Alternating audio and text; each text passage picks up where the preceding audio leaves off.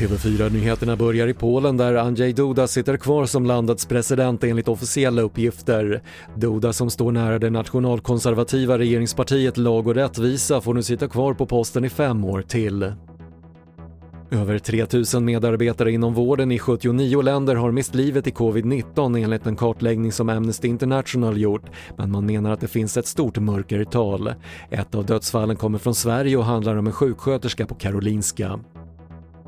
Arbetslösheten fortsätter stiga i hela landet och var i slutet av juni 9% enligt siffror från Arbetsförmedlingen. Arbetslösheten var högst i Sörmlands, Skåne och Gävleborgs län medan den var lägst i Gotlands, Västerbottens och Norrbottens län.